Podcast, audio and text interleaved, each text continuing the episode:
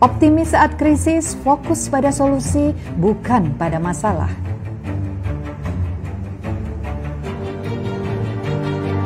Kerjakan apa yang kamu cintai, hal ini akan membuatmu tangguh karena kamu menciptakan kebahagiaanmu. Temukan tim, di masa seperti ini banyak merasa senasib sepenanggungan, saatnya cari teman. Bagikan kebaikanmu, sekarang saatnya berbagi apa yang kamu miliki tidak harus berupa materi, bisa juga tentang semangat diri. Bahagialah karena bahagia bukan suatu harus berjalan baik, tapi bagaimana kita bisa merespon dengan cara yang lebih baik. Selamat datang di obrolan dapur ibu.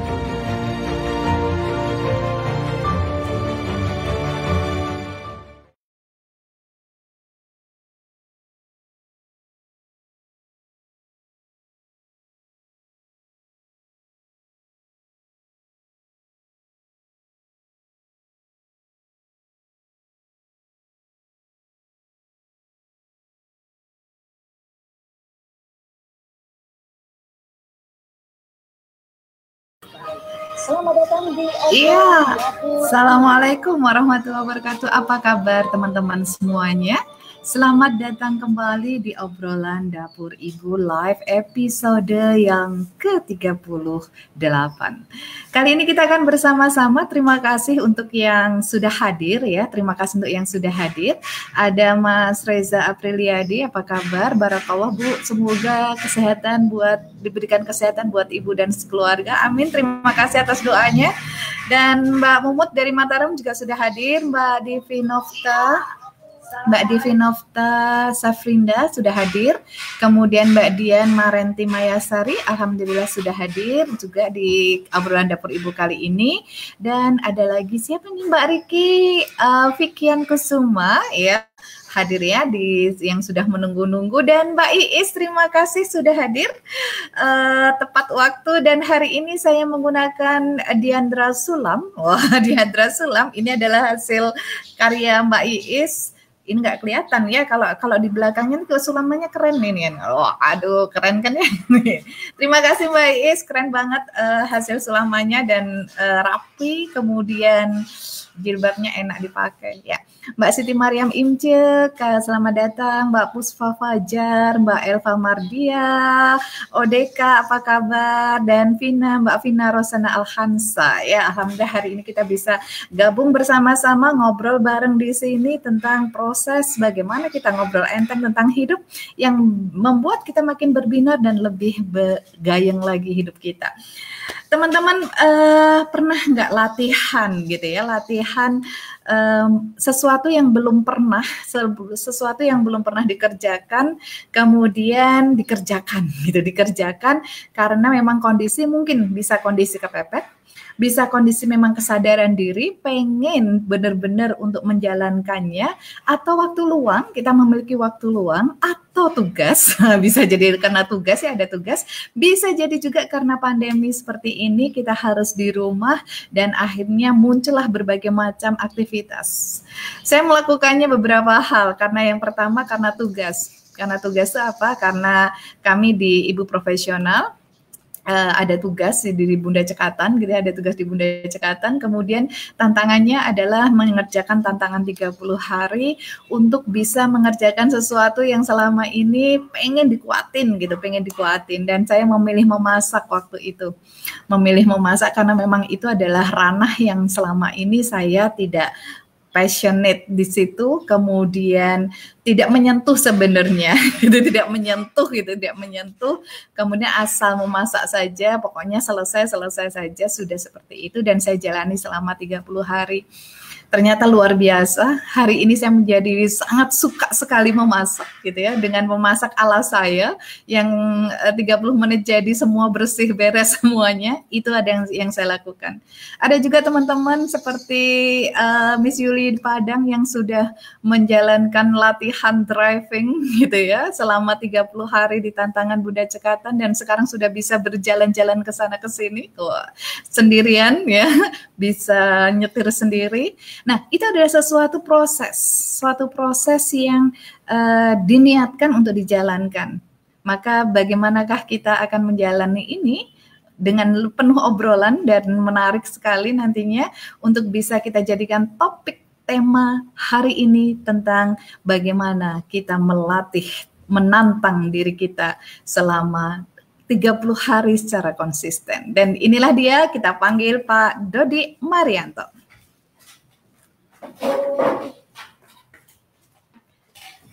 Assalamualaikum Pak Dodi.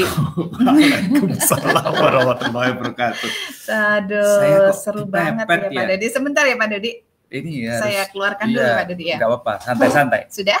Kameranya okay. yang harus digeser. Jangan okay. kita yang bergeser-geser. Saya bergeser sana, bergeser ini karena kita ini benar-benar kalau ini uh, uh, apa event obrolan dapur ibu ini kan benar-benar kita 30 hari berduang uh, heboh gitu ya Pak ya. 30 hari apa? Sekarang sudah dua bulan. Iya, sekarang udah dua bulan. Awalnya iya. kita udah 30, 30 hari. hari kita awalnya, awalnya kita selama mulai selama Ramadan. Ramadan. Ya. ya, Bu Septi sukanya begini saya jadi ikut begini. Selama Ramadan. Selama Ramadan harus semangat. Dan ternyata jadilah sesuatu hal baru gitu, hal baru yang benar-benar belum pernah disentuh, kemudian dipelajari dan dijalani gitu aja. Nah, kalau Pak Dodi melihat proses-proses yang terjadi selama ini ya dari Saya kan pengamat, saya iya. bukan pelaku. Pak Dodi ini mengamati. Kalau melihat, ibu itu sudah bisa ini. Wih, mahasiswi buncek bunce ini sudah bisa ini wah gitu itu yeah. Pak Dodi itu pengamat gitu kan pengamat ya pengamat pengamat itu tugasnya berkomentar. Ya pengamat itu harus berkomentar gitu. Karena kita yang menjalani kadang ya sudah jalani aja gitu kan. Dan Indonesia itu adalah banyak pengamat. bangsa eh, oh, bangsa pengamat. Banyak pengamat banyak komen gitu. Makanya saya diam aja gitu kan. Iya iya iya ya. itu ada ada beberapa hal yang yang sangat menarik dalam kita membuat kebiasaan baru hmm. atau mendapatkan keterampilan baru atau menghasilkan hal-hal baru ya. uh, ada dua faktor hmm. yang yang me menjadikan itu uh, bisa bekerja atau tidak, tidak yeah. yang dikenal dengan uh, faktor motivasi motivation, okay. motivation factor. factor ya jadi ada eksternal motivasi motivasi dari pihak, pihak luar. luar itu bisa berupa penugasan yeah. deadline hmm, jadi ya. kalau kita kalau sudah ada tugas, ada PR, uh, uh, ada ah, deadline. Betul, betul. uh, soal-soal di buku buku pelajaran kita dulu itu hmm. hampir jarang dikerjakan oleh para siswa kecuali menjadi PR. Ya, gitu. jadi PR. Dan ya. para guru paham juga mengenai hal itu sehingga ya. kemudian menjejali kita dengan aneka macam PR. Soalnya kalau tidak dikasih PR tidak dikerjakan. Ya. Itu artinya polanya adalah kita menunggu uh, orang luar atau situasi dari luar hmm. tubuh kita, diri kita memberikan tekanan kepada kita. Yeah. Pandemi itu juga merupakan external, external motivation. motivation. Jika itu bisa betul-betul menjadi motivasi. Yeah. Nah, kita melihat nih sekarang diri kita ini, apakah dengan uh, adanya hal dari luar itu PR, penugasan, deadline, mm -hmm. uh, project yang semacam itu membuat kita termotivasi atau tidak? Tidak. Ya. Lalu yang kedua tentu saja yang disebut dengan internal motivation. motivation. Jadi motivasi dari dalam diri kita, intrinsic motivation. Yeah. Itu uh, tumbuh dari dalam diri kita tanpa uh, perlu ada paksaan dari luar. luar. Jadi hmm. memang seneng ngerjain aneka macam soal itu, hmm. ada rasa bahagia. Hmm. Jadi begitu sampai di rumah itu belum disuruh, belum disuruh satu buku sudah selesai dikerjakan. Yeah. Itu yang dilakukan oleh uh, misalnya tokoh yang terkenal adalah Pak Gauss, itu hmm. ahli matematika yang sangat luar biasa. Jadi ketika beliau masuk ke sekolah jenjang katakanlah SMP begitu ya, hmm. beliau itu sudah menyerahkan buku sampai dengan level SMA selesai. Hmm. Jadi gurunya langsung bilang, lah mau belajar apa lagi nih? Artinya tidak habis. tidak perlu diajar. Yeah. Yang di, uh, perlu disampaikan oleh para gurunya adalah memberikan uh, menggali motivasi mm-hmm. beliau, mm-hmm. kemudian mengizinkan beliau melakukan aneka macam hal yang ingin dilakukannya. Yeah. Karena beliau tidak memerlukan orang luar untuk melakukan sesuatu. Mm-hmm. Jadi para guru tinggal mendampingi. Yeah. Nah, apakah diri kita seperti itu? Mm-hmm. Nah, itu kita. Kemudian kita melihat pada anak-anak mm. kita Anak-anak kita tipe yang mana ini? Ya. apakah mereka tipe yang uh, memiliki intrinsic motivation tinggi hmm. atau extrinsic motivation. motivation. Sehingga kita bisa memberikan treatment yang tepat kepada anak-anak kita. Ya. Iya. Contoh bagaimana kalau ada uh, intrinsic motivation. Hmm.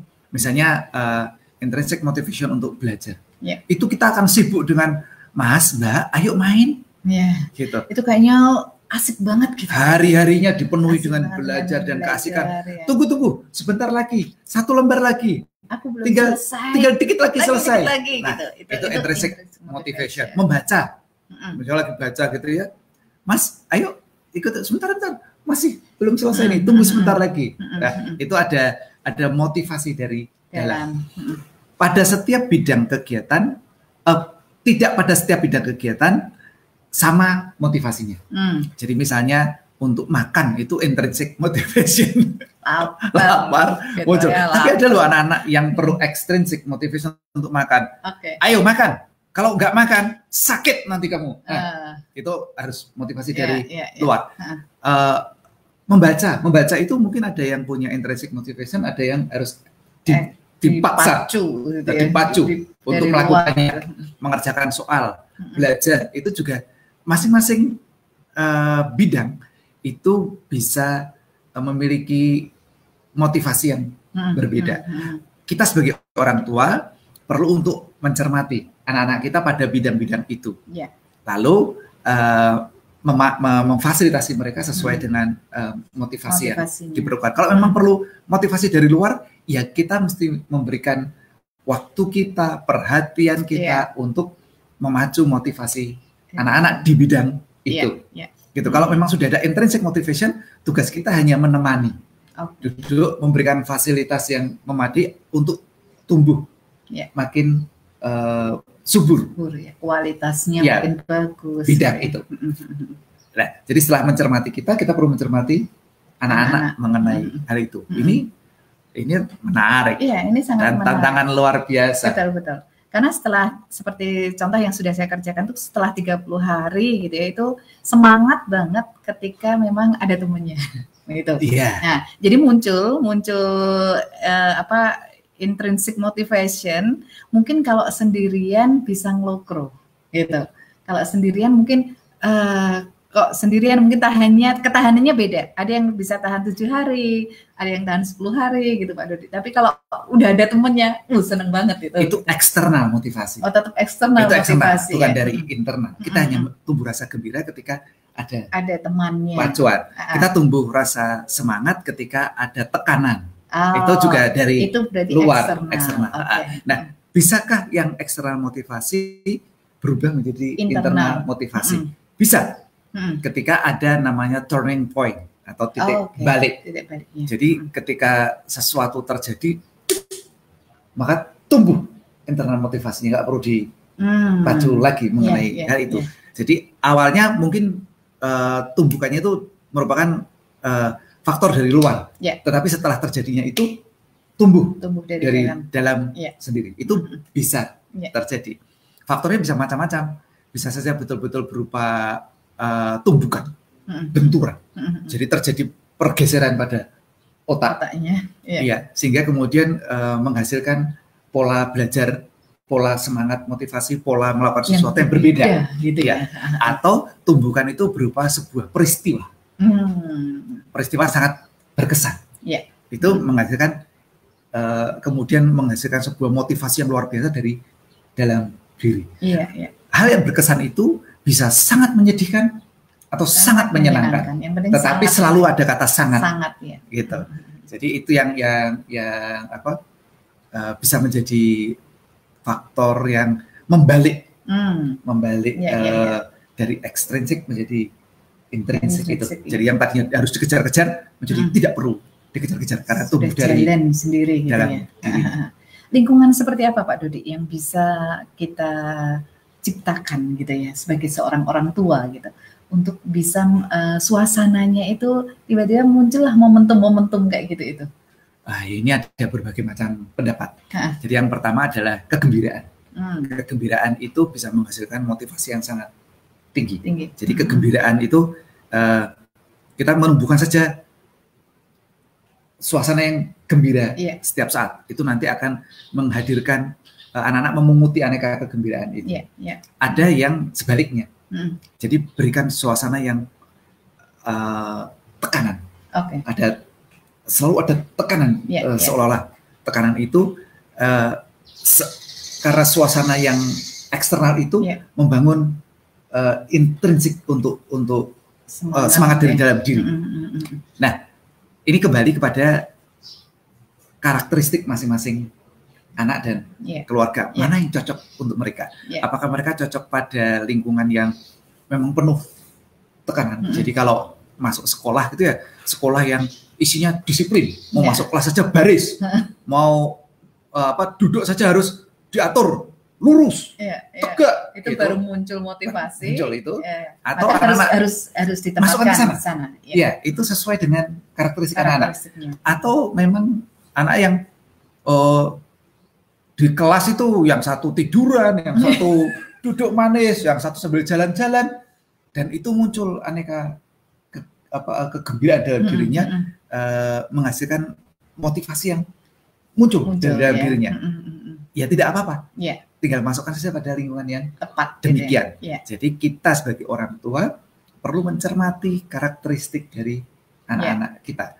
Jadi benih itu mau ditanam di apa? Di lahan subur atau di lahan berair atau di lahan tandus. Masing-masing akan memberikan hasil yang sesuai apa bagus bila sesuai dengan karakteristik benih yang ditanam di sana. Iya. Pohon jati ditanam di lahan berair atau subur mungkin tumbuh tapi tidak Iya. akan jadi yang bagus. Iya. Besar tapi gombong, gitu, lunak, Harganya murah. murah. Tidak ada harganya Iya. malah. Oh, malah nggak ada harganya ya. Nah, Bagusnya ditanamnya di lahan yang tandus, Iya.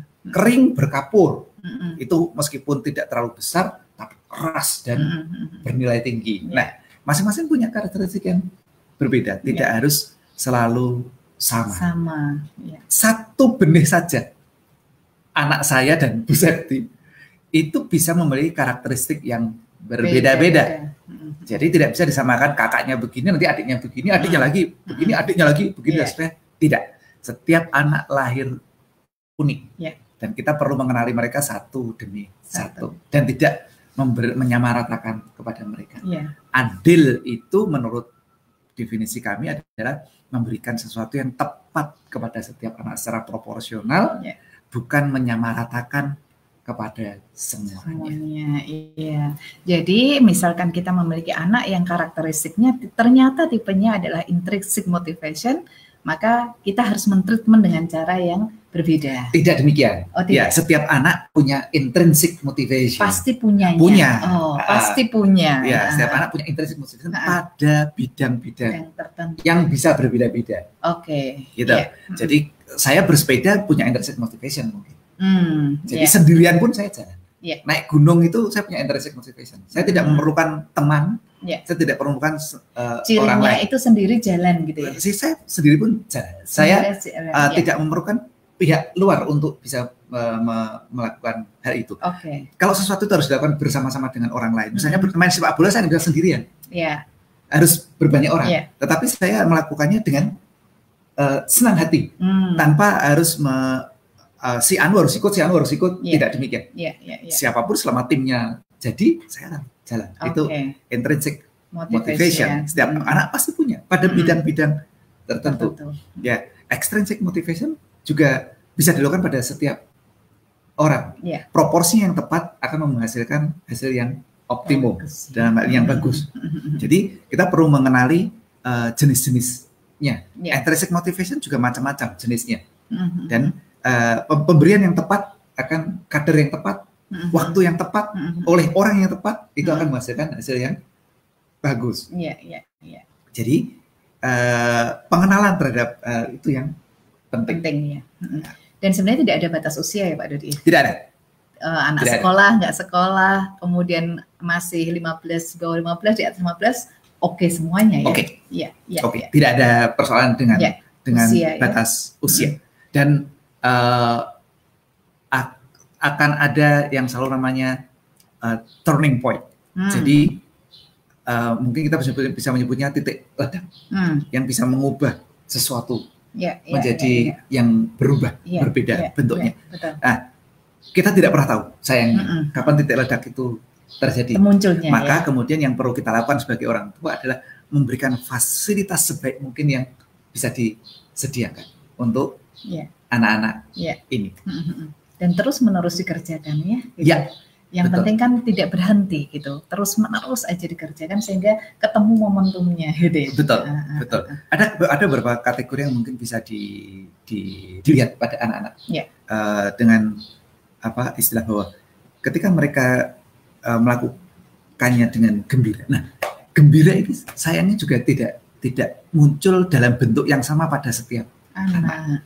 Ya. Mm-mm. tertawa itu mungkin sering kali kita melihat sebagai kegembiraan. Wajah Ya. yang cerah itu Ya. merupakan kegembiraan. Tapi ada bentuk kegembiraan yang lain yang kita pikir anaknya anak kita stres. Oh, Ternyata oke. mereka senang melakukannya. Oh, aku aku senang melakukan ini. tuh. Iya, tapi, Tetapi kayak kita melihatnya ya gitu ada ya. tense gitu. Heeh. Jadi ternyata memang kebutuhan dia adalah eh, tense itu apa? eh, sedikit Tekanan. tekanan, itu. Mm-mm. Itu menggembirakan. Mm. Untuknya. Kalau dilepas dia malah bingung Iya. karena eh, seperti tidak ada penghargaan. Mm-mm. tidak ada kok aku tidak dibutuhkan, Mm-mm. gitu. Itu Mm-mm.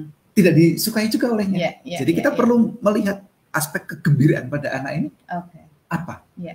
Wujudnya bisa berbeda-beda. Mm-mm. Yang penting kita tahu bahwa eh, dengan cara itu, nah ini indikatornya, Hmm. hasilnya selalu optim.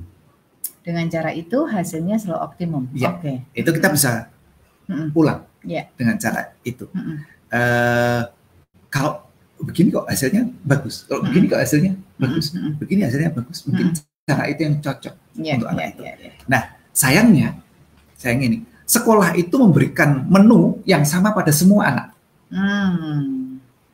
gitu. Betul, Sehingga betul, betul. eh, ketika menunya sama semua sebenarnya, menu yang ini itu tidak Cocok. diperlukan Oke, oleh seorang anak anak, Mm-mm. diperlukan oleh anak yang lain. yang lain. Oke, untuk anak yang memerlukannya, oke, Iya. dia akan tumbuh Iya. hal itu. Mm-mm. Nah, pada anak yang tidak memerlukannya, maka perlu semacam eksternal motivasi. Mm-mm. pemberian eksternal motivasi yang berlebihan pada seorang anak itu bisa menyebabkan mengkerdilkan. Hmm. Anak. Iya, kayak tanaman dikasih pupuk terlalu banyak gitu ya. Iya, itu dibanjiri. Dibanjiri gitu kan Iya. agar tumbuh tumbuh tumbuh tumbuh gitu kan dengan Harapannya kan anak-anak Iya. bagus tuh. Iya, iya, iya. Eh, mereka menjadi pintar, Iya. pandai Mm-mm. pada semua bidang. Iya. Padahal bukan itu Iya. area anak-anak itu. Nah, justru bisa menghasilkan hal yang, Iya. yang kontraproduktif. Iya, iya, iya. Maka eh, memberikan menu yang seragam pada semua anak untuk mereka bisa semuanya dan pandai pada semuanya itu hati-hati. Hmm. Itu bisa mengkerdilkan anak-anak ya. anak-anak. Sebaiknya bagaimana Pak Dudi kalau di sekolah gitu ya? Kalau di sekolah kan selama ini memang seperti itu ya, menunya dikasih sama. Kemudian bisa itu juga bisa terjadi ketika anak-anak bersekolah ber- mengambil pendidikannya dari di dalam rumah gitu. Ibunya panik, kemudian bingung nggak ngerti, udah kasih sama aja semuanya dulu gitu. Eh, karena memang kita masuk pada sistem. Mm-mm. Kalau kita masuk pada sistem, kita harus patuh pada sistem itu. Iya. Sistem itu menghendaki eh, anak-anak bisa semuanya. Mm-mm. Maka perlu ngobrol nih dengan anak-anak nih. Mm-mm. Bagian mana yang dia suka, Mm-mm. dengan cara apa dia eh, mengharapkan support dari kita, Iya. treatment Mm. dari kita, Mm-mm. dan kita memberitahukan kepada mereka konsekuensi masuk pada sistem itu. Iya. Jadi misalnya pada sistem itu yang namanya bahasa Indonesia, PMP, dan agama tidak boleh Pasti merah. Pak Dodi dulu ya ini PMP. Ya, itu itu itu tidak boleh Iya. merah. Iya. Maka kita beritahukan Oke. seperti itu. Jadi suka tidak suka, kamu mesti eh, belajar mengenai hal ini. Iya. Maka kalau ternyata mereka memang tidak suka, kita izinkan mereka untuk eh, lolos saja. Oke. Jadi lulus dengan kualifikasi minimum itu Iya. tidak apa-apa. Iya. Tetapi area, Lolos gitu aja Iya. ya. tetapi area yang mereka memang suka, Mm-mm. maka kita akan berbicara pada anak-anak Iya. bahwa bapak ibu menghendaki kamu maksimum di area yang kamu suka. Hmm. Jadi yang lain boleh lolos, Lolos. tapi yang ini harus sangat berprestasi. Iya. Mm-mm. Itu dibicarakan Mm-mm. sehingga kita tidak perlu membuat anak-anak harus semua nilai mata pelajarannya 10. Ya. Atau tujuh semua nggak apa-apa, asal semua tujuh. Tidak perlu demikian. Ya. Jadi kita mengizinkan yang ini enam saja oke lah. Mm. Tapi yang ini ini ini kamu mesti sembilan sepuluh sembilan sepuluh misalnya oke, oke. seperti itu. Iya. Sehingga kita tahu bahwa area mana yang perlu dikuatkan Kuatkan. dengan teramat Iya. sangat. Dan sekali lagi untuk konfirmasi ya ngobrol ya Pak Dodi. Harus tanya. Ya, harus tanya. Tanya pada anak-anak. Tidak hanya sekedar eh, checklist aja gitu Tidak. kan ya. Menduga-duga. Menduga-duga. Karena ini sesuatu yang bisa ditanyakan. Iya, iya. Tanya, kemudian eh, untuk mendapatkan eh, kira-kira anak-anak ini jawabannya eh, kalau kita menyebutnya jujur atau tidak, objektif Mhm, atau tidak, mhm, gitu ya, kita bisa melakukan konfirmasi Oke. Mhm, kepada guru, mhm. kepada teman, Iya. untuk mendapatkan konfirmasi Iya. akan hal itu. Mhm. Sehingga eh, dari anak kita mendapatkan jawaban, kita kemudian mengkonfirmasi kepada teman dan gurunya. Mhm. Dan saat mengkonfirmasi kita jujur saja pada anak-anak Iya. bahwa bapak ibu akan melakukan konfirmasi kepada teman Iya. dan gurumu, Iya, sehingga tidak perlu sembunyi-sembunyi betul. untuk melakukan itu. Sehingga nanti gini, ibu ngapain kepo sama temanku? Nah, anak-anak dikepoin itu Nggak tidak suka, senang. paling nggak suka banget Iya, ya, betul, Jadi betul. setiap kalau kita akan melakukan konfirmasi, kita juga memberitahu pada anak-anak bahwa Iya. kita akan melakukan konfirmasi Mhm. tentang hal ini kepada teman-temanmu. Iya, betul, betul, Gitu. betul. Ya, seru banget ini ya obrolan kita tentang bagaimana kita mengenal intrinsic motivation kita khususnya kita dulu deh yang kenal kemudian kita akan bisa memahami anak-anak kemudian bagaimana kita bisa menciptakan extrinsic motivation juga ketika kita mengetahui bahwa anak kita ternyata apa namanya lingkungannya adalah Perlu ketika perlu perlu ini apa namanya dari perlu pacuan dari lingkungan. luar ya. Dan kali ini sebelum ke segmen 2 ada sebuah lingkungan yang bisa membuat teman-teman khususnya para perempuan untuk bisa mendapatkan ex- extrinsic motivation karena banyak temennya gitu, banyak temennya. Apakah itu? Kita lihat yang satu ini ya.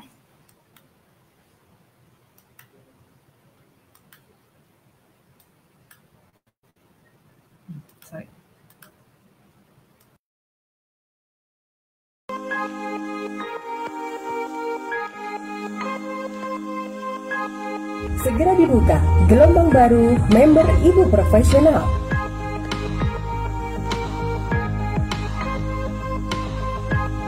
Registrasi adalah pendataan ulang bagi member lama untuk mengikuti Foundation New Chapter. Foundation adalah program yang diperuntukkan bagi bunda yang belum terdaftar sebagai member ibu profesional. Foundation adalah gerbang awal sebagai member baru ibu profesional.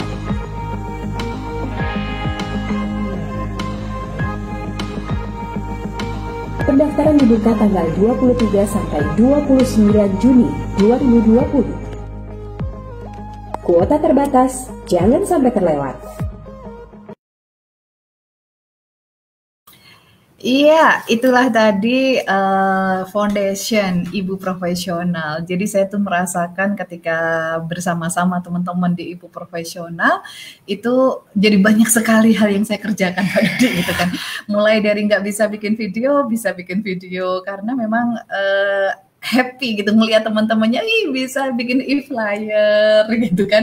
Kemudian tahu namanya Google Drive, tahu Zoom sebelum rame Zoom itu itu seru itu yang perangkat-perangkat yang bisa dilihat gitu yang bisa dilihat belum lagi eh, penguatan pribadi itu ya perbuatan pribadinya mentalnya mental modelnya itu jadi beda gitu kan ya ini bentuk yang lain lagi. ya betul. Ini bentuk yang lain lagi. Jadi bahwa Bu Septi itu intrinsic motivation-nya tumbuh ketika bersama-sama dengan banyak orang. Iya, betul. Gitu. Mm-mm. Itu eh, boleh disebut sebagai extrovert gitu ya. Iya, iya. Jadi eh, kegembiraan kita, Mm-mm. segala motivasi diri kita Mm-mm. hadir itu ketika kita bersama-sama dengan banyak, banyak orang. Ha, Nah, tidak apa-apa. Iya. Kalau memang anak-anak yang demikian, maka Tipenya kita sebagai itu, gitu ya. orang tua Mm-mm. eh, boleh me- me- apa, me- mem- mengajak anak-anak atau mem- mempersilahkan anak-anak untuk bermain dengan bersama dengan Iya. banyak orang. Iya. Tetapi ada anak-anak yang intrinsic motivation-nya justru tumbuh ketika sendirinya. Iya, ada juga. Ya, Kayak Pak itu Dodi tipe Kayak Pak Dodi itu kan. penyendiri. Bagi Ya. muncul ketika sendirian itu muncul banget gitu. Iya. Eh, mungkin boleh dibilang kategori introvert. Iya. Barangkali demikian. Dan tidak apa-apa.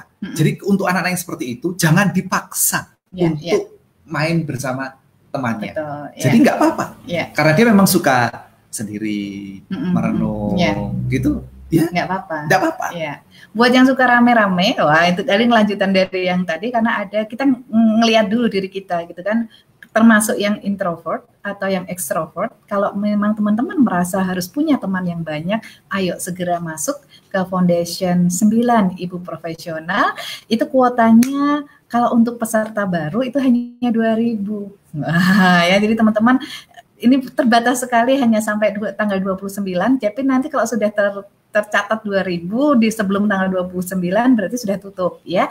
Kemudian untuk teman-teman yang registrasi yang sebelumnya itu masih belum belum ikut foundation Foundation, belum pernah ikut sudah jadi member ibu profesional tapi belum ikut foundation, juga di kami kasih kesempatan 2000 juga. Waduh. Jadi total hari ini adalah 4000 ya, total uh, foundation 4 kali eh 9 kali ini adalah 4000 peserta. Kemudian link pendaftarannya ada di itu Pak Dodi kalau buka fanpage ibu profesional tinggal klik daftar. Nah, di situ gampang banget. Jadi tinggal klik Kalau aja. pakai bahasa Inggris sign up. Sign up. Ya, jadi up, jangan ya. khawatir ya kalau sudah di setting bahasa Inggris, oh, yeah. berarti sign up gitu ya, tinggal klik aja di sana. Tapi kalau yang untuk member lama yang belum ikut foundation, silahkan hubungi manajer operasional sekretariat regional di IP masing-masing ya ibu profesional. Kalau Facebooknya settingannya Boso Jawa? Nah Boso Jawa daftar. ya, ada ada N-nya ada daftar ya. Link sewaktu-waktu bisa ditutup dan jangan lupa kasih nama yang lengkap, nomor WhatsApp-nya benar, emailnya juga benar karena tiga inilah yang akan jadi uh, acuan kita untuk bisa terkoneksi dengan tim di Foundation 9. Ah, hmm. gitu Pak Dodi. Seru ya. sih. Seru uh, ya. Saya tentu tidak akan bercerita karena saya kan bukan perempuan. Tetapi saya adalah satu-satunya laki-laki yang menjadi member, member di sana. Ibu profesional. Ya. Dan saya harus sendirian hmm. karena saya memang sukanya sendirian. Nggak usah ngobrol sama ibu-ibu. Nggak usah ngobrol. Iya, sekarang kan saya kasih kesempatan buat teman-teman yang sudah hadir di sini secara live ya, secara langsung untuk bisa menuliskan komen yang ada di sana. Kemudian mau tanya langsung ke Pak Dodi, boleh tentang intrinsic motivation, extrinsic motivation, atau di luar itu. Saya sapa dulu ya Pak Dodi ya. Ini oh. ada Mbak Erlita Cinta Damai. Wah, namanya asik banget sih ya. Gitu. Assalamualaikum, waalaikumsalam Mbak. Ya, ada Mbak Rini Rahmiati Hardi. Apa apa kabar? Mbak Lustina Dwi Puji, Bunda Iva dari Bau-Bau hadir ya. Kemudian ada Mbak Ardania Rizka, Assalamualaikum, Waalaikumsalam, Mbak Yeni Nuraini, Mbak Ika Permata Hati, Mbak Zazu Fitriati ya, Mbak Ria Fahria, Mbak Sari Arianti, Mbak Nunung Holi, Mbak Nihla Farida, Mbak Yulaiha Mujiati, dan Mbak Ismiralda Yursal namanya Ismiralda Yursal. Oke. Okay. Sabik, kita, apa kabar Sabik? Teman kita. Ya, Ahmad Fikri Sabik. Ya, Pak Dodi dan Bu Septi mau tanya. Wah, ini teman teman uh, apa remaja, dulu generasi generasi masjid, masjid generasi ya. masjid ya. Fotomu sangar banget sih Fik. Tapi ya. ya, seberapa besar anak-anak usia SD dituntut aspek akademik? Adakah ruang-ruang toleransinya? Gitu ya. Itu dulu, itu dulu. Oh ya, itu dulu ya. Iya. Hmm. Uh, tapi uh, kalau kita ingat ya sebenarnya apa sih yang pengetahuan SD yang kita kita pakai Sampai sekarang, sekarang ini? Mm -hmm. Boleh dibilang tidak ada. Iya. Jadi iya. memang tidak tidak iya, perlu betul. banyak menuntut Eh, anak-anak SD ya. anak-anak ya? untuk aspek uh, apa konten konten materi ya. aspek akademiknya ini mm-hmm. apa yang perlu dilakukan kepada teman-teman kita SD ini ya. saya lebih memilih untuk menguatkan uh, empat hal dasar ini okay. yaitu aspek iman mm-hmm. akhlak adab dan bicara mereka. Oke. Okay. Ini penting Ingat-ingat untuk anak-anak. ya. Iya, karena ini akan membangun struktur berpikir. Ya dari anak-anak itu adab itu adalah berkaitan dengan struktur berpikir. Bicara itu berkaitan dengan struktur berpikir hmm. karena bahasa itu adalah bagaimana kita berpikir. Hmm. Bagaimana kita berpikir itu akan muncul dalam bentuk bahasa. bahasa. Itu yeah. penting dalam yeah. empat hal itu. Kemudian empat hal juga yang perlu dikuatkan pada uh, anak-anak uh, yang kan pakai sebagai model. Itu yang pertama adalah uh, mereka sudah lahir dengan intellectual curiosity yang bagus. Hmm. Tanda-tandanya Tanya adalah seneng tanya. Tanya. Apa? Ini apa? Apa Bapak? Apa Ibu? Tanyanya Nah. 25 kali. Anak SD sering kemudian dimatikan intellectual curiosity-nya Iya. dengan disuruh latihan tenang, Iya. diam, Hmm, hmm, hmm, hmm. tidak banyak tanya. Iya. Kalau mau tanya harus angkat tangan. Itu merepotkan buat Iya. anak-anak SD ini. Maka pertahankan intellectual curiosity, mereka. Iya. Kemudian creative imagination-nya Hmm, itu juga tetap dipertahankan, ditumbuhkan, Iya. dikembangkan terus bahkan. hmm, hmm. Ya, anak-anak dulu tuh kalau masa kecil mereka bercerita kita menyebutnya menghayal Hmm, dan kita mengizinkan. hmm. Tapi begitu SD mereka menghayal sedikit kita bilang khayal opo kuwi ya, Hmm. gitu. dari kita- temannya dapat, iya. dari gurunya kadang dapat Betul. gitu ya. Kita mari kita izinkan mereka tetap Berkhayal, Iya, berimajinasi. menumbuhkan imajinasinya yang betul itu. Mm-mm. Kemudian yang pertama tadi apa? intellectual, intellectual curiosity, curiosity, Creative, creative imagination, kemudian art of discovery and invention. Itu terus di dibangun. Mereka senang sekali dengan aha, aku tahu ini, Ya. aku bisa ini. Ya. Itu Mhm. kegemarannya untuk mendapatkan aha itu. Mhm. Kemudian yang keempat adalah akhlakul karimah atau Ya, noble, attitude. attitude, ya. Itu kami biasanya menyebutnya dengan I can, Mhm. intellectual curiosity, Creative, creative imagination, art of discovery and invention, noble, Noble attitude. attitude. Gitu itu yang ditumbuhkan dalam Ya. hal ini pada Ya. untuk anak-anak SD Ya. dan jangan pusing dengan masalah konten Iya, akademik. iya, iya. Karena bisa juga konten-konten yang ada di kurikulum itu kan acuan ya kurikulum Iya. itu ya itulah acuan yang kita harus memasaknya lagi gitu, memasaknya lagi menjadi hidangan yang sangat disenangi anak-anak. Maka cara menyampaikannya itu memang yang harus dibuat berbeda gitu ya. Iya. Dan lebih parah lagi adalah banyak konten yang saat ini itu di ditulis Hmm. sudah sekian puluh tahun yang lalu dan tidak Oh, berubah-ubah. Iya, iya, itu yang bahaya sekali. Oh iya. betul, Padahal betul. informasi itu saat ini berkembang dengan sangat cepat. Iya, iya. Begitu Sadik. Karena kalau dibiarkan aja pasti bisa aja anak-anak Oh, iya. sebenarnya ya dengan permainannya sehari. Mereka tahu Ya. banyak hal. Kita nanti harus belajar game based learning ya, Sab- eh, Sabik ya, gitu. Kemudian apakah tuntutan kurikulum usia SD itu sifatnya kaku?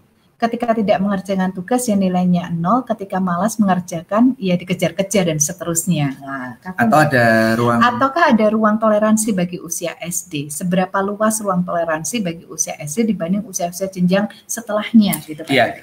eh Sabik mungkin nanti perlu ngobrol dengan sesama teman satu sekolahnya. Iya. Karena setiap sekolah nanti akan mempunyai eh, kebijakan yang berbeda-beda. Ini kebijakan di tempat kami ya. Iya. Jadi di School of Life Lebah Putih, kami tidak terlalu pusing dengan eh, nilai-nilai Hmm. itu. Dua, tiga, empat, lima Hmm. itu kami tidak terlalu pusing dengan hal itu. Maka yang kami lakukan adalah eh, pada anak-anak eh, empat empat tadi ya, Iya. empat empat hal itu tadi eh, si iman, akhlak, adab, bicara, kemudian intellectual curiosity, creative imaginations, art of discovery and inventions, dan noble attitudes, attitudes tadi itu. Eh, kemudian kami menghargai yang namanya improvement. Oke. Maka eh, lebih lebih menarik untuk daripada bertanya siapa yang salah satu, salah dua, Iya. gitu dan kemudian eh, memberikan hukuman atau pacuan kepada mereka yang dapat 0, 1, 2, Iya, 3 iya, itu kami lebih menyukai improvement. Iya. Siapa yang hari ini benar satu? Iya. Lalu kita melihat, wah bagus, kemarin kamu tidak ada yang benar ya. Ya, sekarang, Sekarang benar, benar satu. satu. Bahasanya yang berbeda ya. Bagus. Ada hari ini yang benar empat siapa? Mm-mm. Oh, minggu kemarin benar berapa? Dua. Ah, bagus. Iya. Kamu sekarang sudah bisa meningkat dari kemarin benar dua, sekarang benar empat. Ya. Improvement itu kita berikan apresiasi. Mm-mm. Mm-mm. Itu membuat anak-anak lebih lebih gembira dan Iya, menyenangkan iya. dalam hal ini. Ya. Tentu saja itu dengan satu patokan bahwa sekolahmu itu tidak terlalu pusing dengan banyaknya piala di etalase Etalase. dan tidak terlalu pusing dengan peringkat sekolah. Ya, Ya, kami harus tidak pede ya, kami tidak pusing dengan hal itu. Kami lebih eh, berkonsentrasi pada kegembiraan dan pertumbuhan Iya. anak-anak. Ya, di sekolah saya tidak ada piala yang saya pajang. karena diberikan ke anak-anak Jadi kalau anak-anak mendapatkan prestasinya, itu maka piala itu prestasi untuk mereka. anak-anak. Iya, itu prestasi mereka sampai orang tua kadang bingung, loh beneran ini bukan untuk sekolah. Loh, ini adalah apresiasi untuk anak-anak. Maka pajang aja di rumah masing-masing gitu Iya. kan. Itu itu kalau kita memang seperti itu. Dan mungkin Pak Dodi bisa cerita ketika ketemu anak lebah putih kelas 3 belum bisa membaca tapi pede banget untuk presentasinya gitu. Wah, itu iya, ini memang memang salah satu yang yang kami sukai adalah bahwa anak-anak di Lebah Putih itu untuk bisa me menyampaikan, mempresentasikan hmm. apa yang ada di kepalanya. Iya, iya, iya. Baik itu bentuknya adalah pertanyaan uh maupun pendapat. Iya.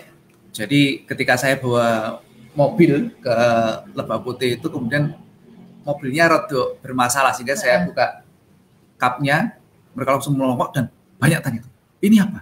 Ini apa? Dan lain sebagainya. Oke, saya senang dengan hal itu.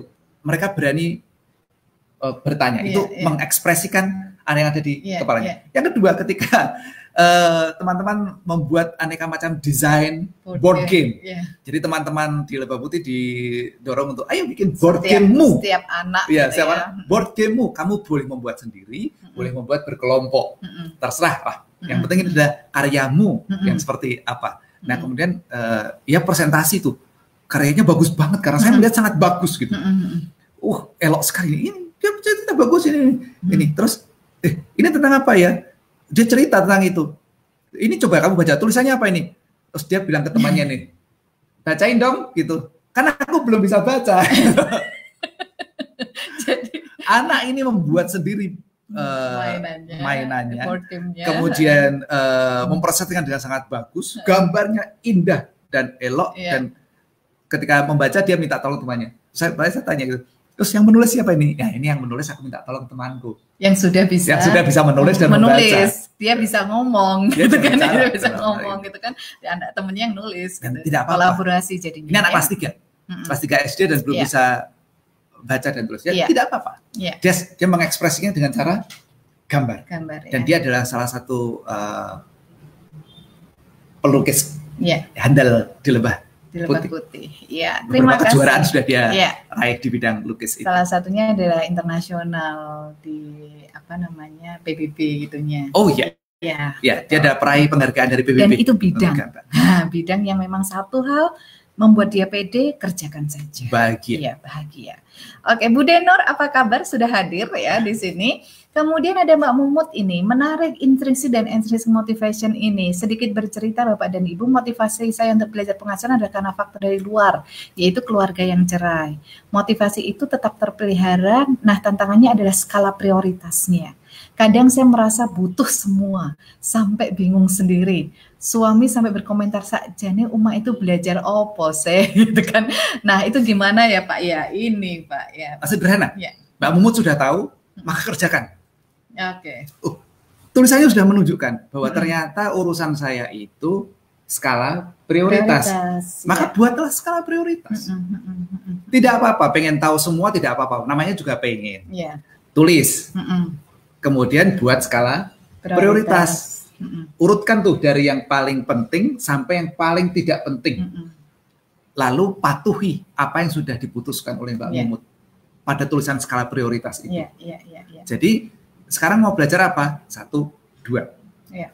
Kemudian, tapi tiga, empat, lima juga pengen. Satu, mm -hmm. dua sudah selesai belum? Mm -hmm. Sudah. Oke, okay. tiga, empat. Mm -hmm. Tapi sembilan, sepuluh juga menarik ini. Tiga, empat sudah selesai belum? Belum. Tiga, empat dulu. Mm -hmm. Fokus pada itu. Mm -hmm. Nah, itu latihan. Yeah. Karena Mbak Mumut sudah tahu kok. Persoalannya apa?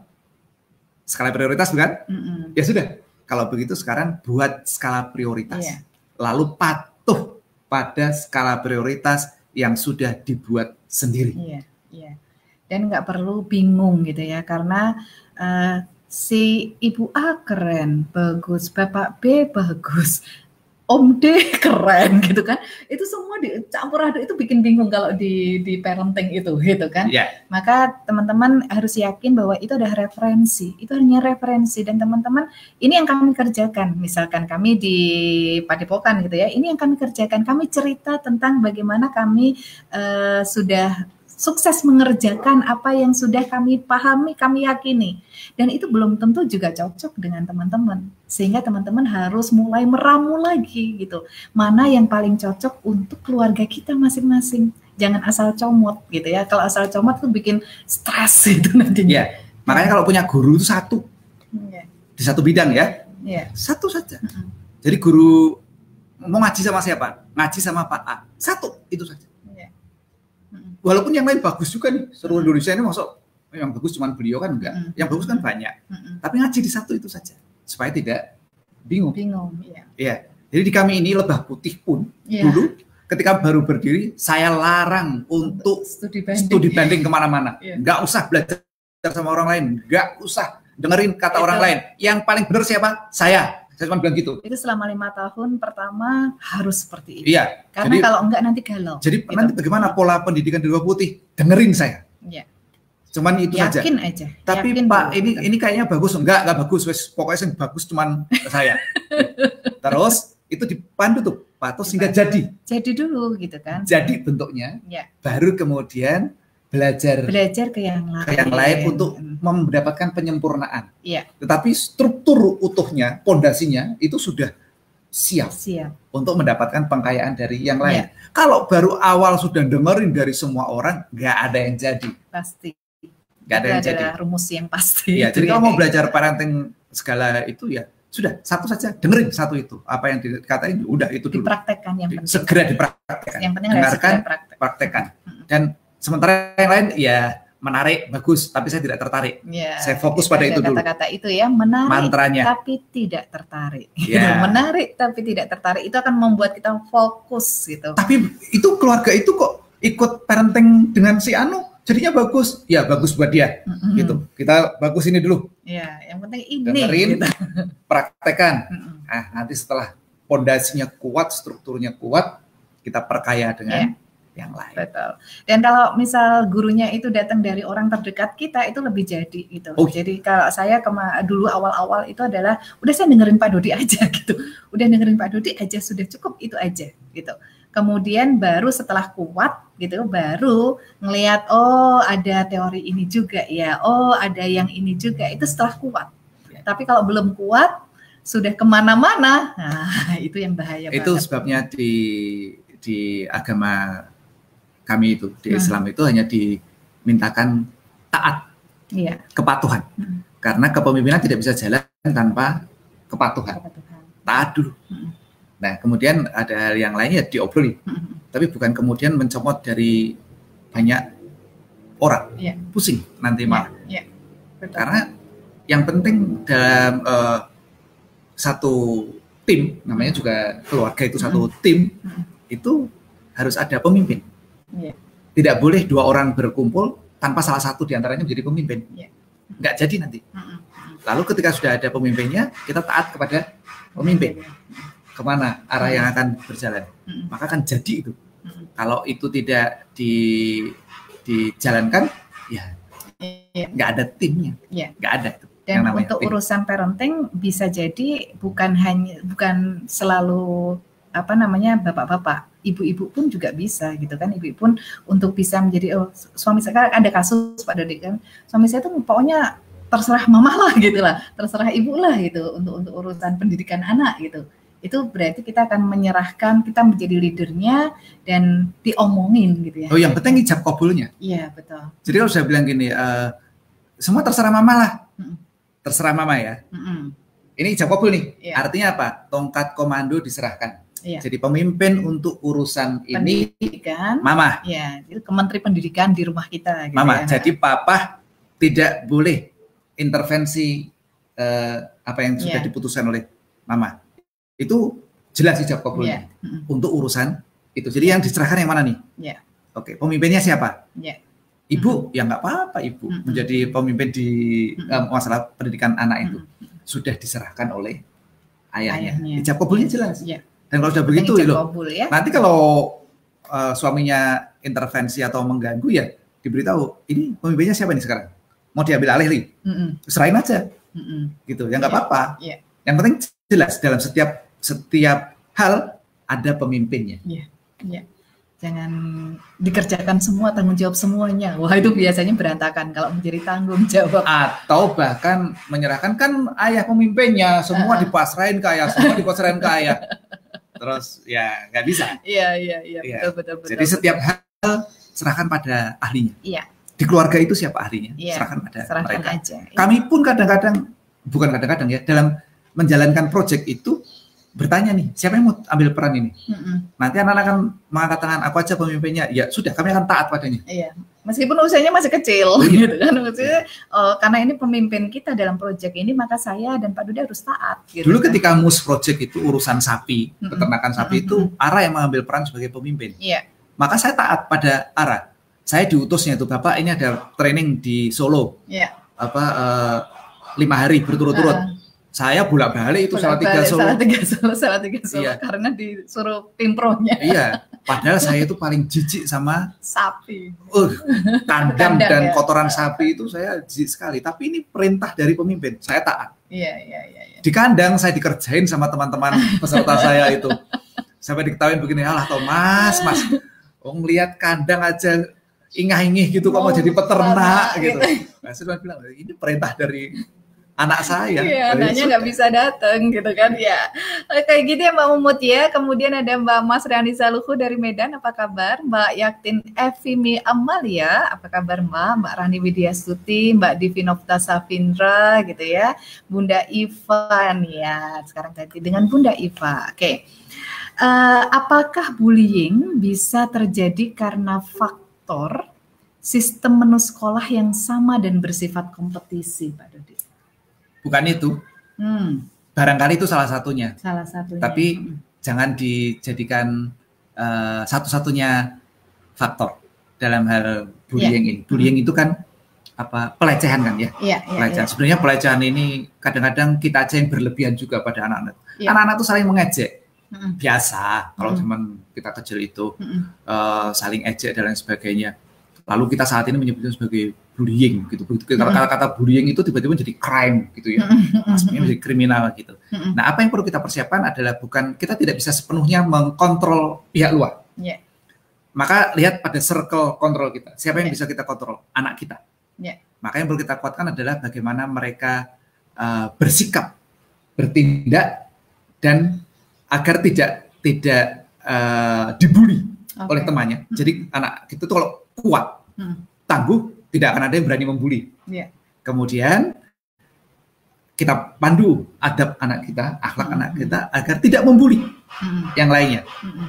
Jadi kita siapkan ketegaran, ketangguhan Hmm. anak-anak kita ini untuk tidak tidak dibully Mm-mm. dan kita pandu akhlaknya agar tidak membuli Oke. kawan yang lain. Hmm. Itu circle of kontrol kita. Iya.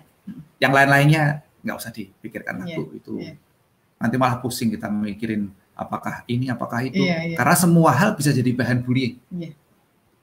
eh, fak- apa pelajaran yang menu pelajaran yang sama mungkin tapi tidak selalu seperti itu Mm. karena ternyata toh mereka yang eh, ada anak-anak yang tidak dibully dengan dengan hal itu Mm-mm. jadi faktornya bukan bukan hanya itu Iya, Iya. iya, iya. Gitu ya Bunda Iva ya. Kemudian dari Mbak Yulaiha Mujiati, caranya bagaimana Bu ikutan ibu profesional? Seperti yang saya sampaikan tadi Mbak, datang ke fanpage ibu profesional. klik fanpage ibu profesional fanpage ada tulisnya ibu profesional gitu ya. Kemudian klik di sana sign up atau daftar atau daftar gitu ya. gitu ya. Jadi ada di sana ikutin aja prosedurnya. Mumpung sekarang sedang dibuka eh, jalur foundation yang ke-9 ya. biasanya tutup berapa hari Ini dua tiga hari biasanya sudah tutup, Sudah maka harus cepet-cepetan aja Iya. yuk gitu ya, gitu ya. Ini ada yang namanya sama dengan saya. Apa kabar Mbak Septi Wono di Jogja ya?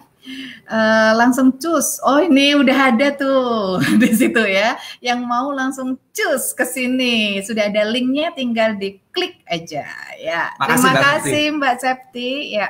Kemudian dari Mbak Dian di Singapura, apa kabar Mbak Dian? Ya, alhamdulillah bisa nyimak lagi gitu. Eh, selamat pagi Ibu dan Bapak, pagi Mbak Dian. Mau tanya, kalau orang yang suka sekali bicara, apakah akan otomatis tinggi juga linguistik intelligence-nya dan juga akan kuat interpersonalnya dibanding intrapersonalnya? Gitu. Ah, berbicara berbicara berbeda dengan berkomunikasi Ah, Oke. Dan- Catat ini ya, berbicara berbeda dengan berkomunikasi. Iya, dan eh, bahasa itu menunjukkan alur berpikir Oke. Jadi eh, kecerdasan linguistik itu Ya. adalah juga kecerdasan berpikir. Ya. Jadi orang yang tidak memiliki struktur berpikir yang bagus Ya. tidak tidak otomatis eh, tidak akan memiliki kecerdasan linguistik yang bagus. Iya.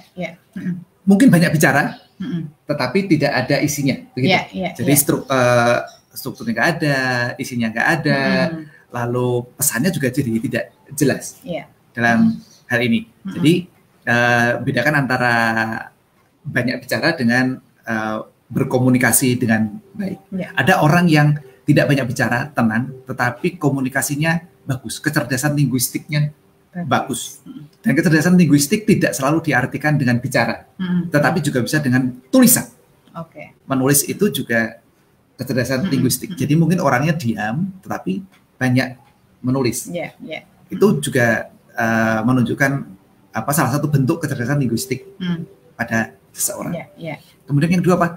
Ah. apakah juga akan kuat interpersonalnya dibanding intrapersonalnya? Tidak juga demikian. Oke. Eh, jadi orang yang diam tidak berarti eh, tidak memiliki interpersonal Hmm. yang kuat. bagus, Bagus. dalam hal ini. Hmm. Sehingga eh, kita perlu mencermati bahwa ada aspek-aspek eh, tidak hanya satu aspek yang me- menunjukkan eh, karakteristik sesuatu itu. Mm-mm, mm-mm. Jadi diam itu tidak berarti tidak memiliki kecerdasan linguistik Iya. dan bukan berarti tidak memiliki kecerdasan eh, interpersonal yang Iya. bagus. Mm-mm, mm-mm. Ada orang yang dengan diam itu temannya banyak juga. Iya. Eh, Cara berinteraksi dengan orangnya juga baik Iya. dalam hal ini, tetapi Betul. tidak tidak banyak cakap mm-mm. dalam hal itu. Jadi ada faktor-faktor lain yang eh, lebih dari sekedar keterampilan Iya. berbicara Iya. di dalam hal ini Oke. kepercayaan diri juga. Hmm. Jadi tidak selalu orang yang banyak bicara itu Oh, tanda ya, percaya tanda diri. percaya Bisa jadi juga justru Bisa jadi justru itu tanda ketidakpercayaan diri ketidakpercayaan diri banyak ngomong. dengan banyak ngomong.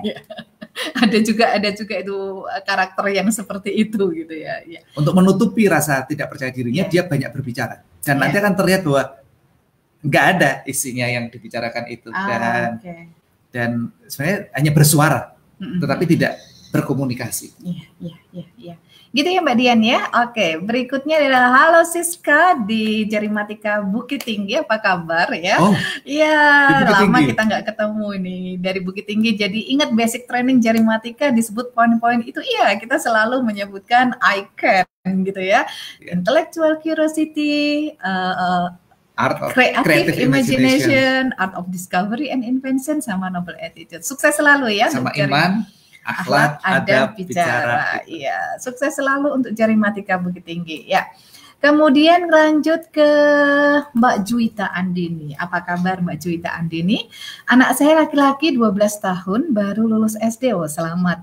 Tipikalnya lebih suka main sendiri dan lebih senang main di rumah. Waktu SD saya sekolahkan di SDIT. Sekarang saya daftarkan ke SMP Sekolah Alam dengan harapan dia merasakan suasana belajar yang berbeda dengan teman yang lebih sedikit maka akan berinteraksi lebih banyak, belajar bekerja sama dalam kelompok dan belajar mandiri karena di sekolah alam lebih banyak belajar langsung ke dunia nyata.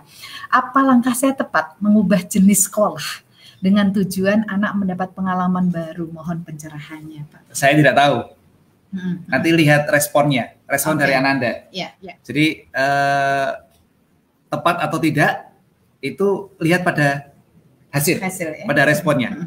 Nanti anak-anak anak kita itu apakah kemudian akan tumbuh kegembiraannya, tumbuh eh, hal-hal baik yang lainnya, Hmm. eh, akan muncul potensi-potensi yang lainnya. Ya. Nah, berarti itu indikatornya oke, Oke. on track. Hmm. Tetapi kalau sebaliknya Ya. Justru kontraproduktif, Ya. anak kita makin tidak gembira berangkat ke sekolah, Hmm. eh, karyanya makin sedikit, potensinya makin tertutup Hmm. dan lain sebagainya, Hmm. itu indikator bahwa sebaiknya kita harus menggeser lagi ke bentuk pendidikan yang lain atau sekolah yang lain. Iya. Jadi lihat pada responnya. Ya.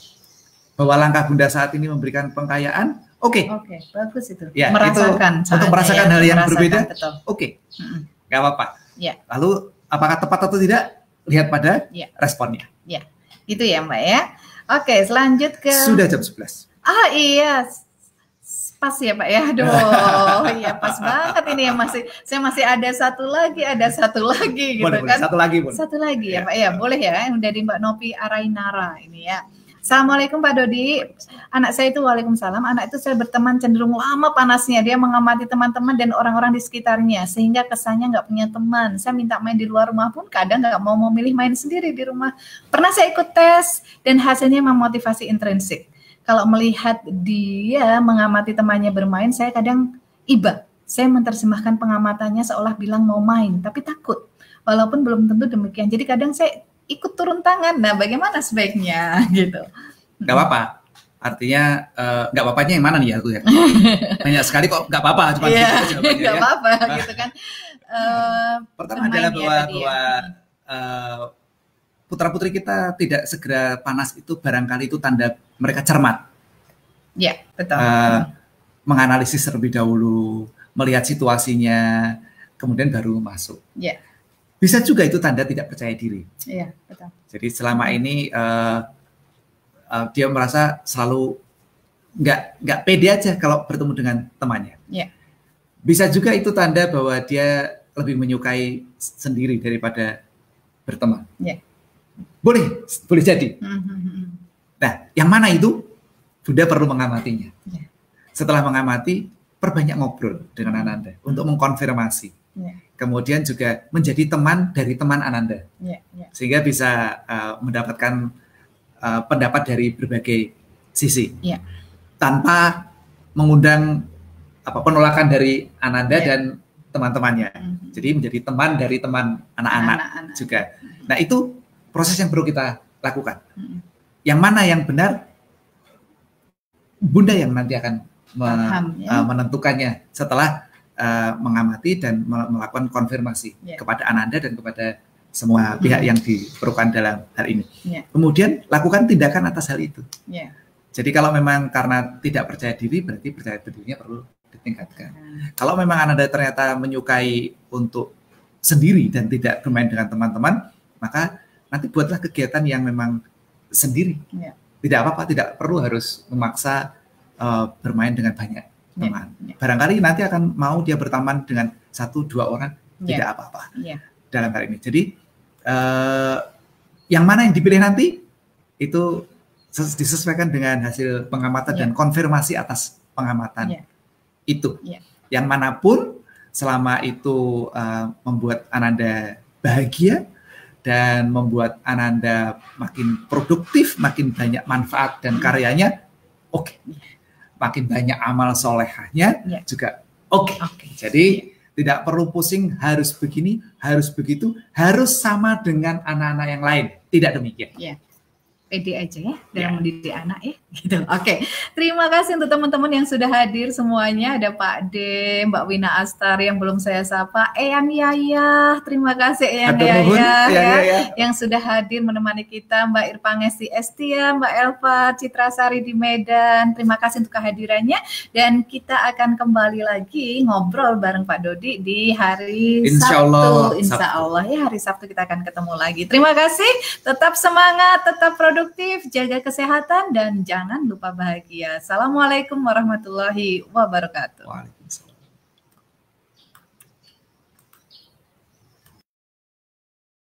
Kita, dapur adalah pusat peradaban keluarga kita. Dapur adalah tempat di mana kehangatan keluarga kita berada. Mari saatnya membangun peradaban dari dalam rumah. Salam obrolan dapur ibu.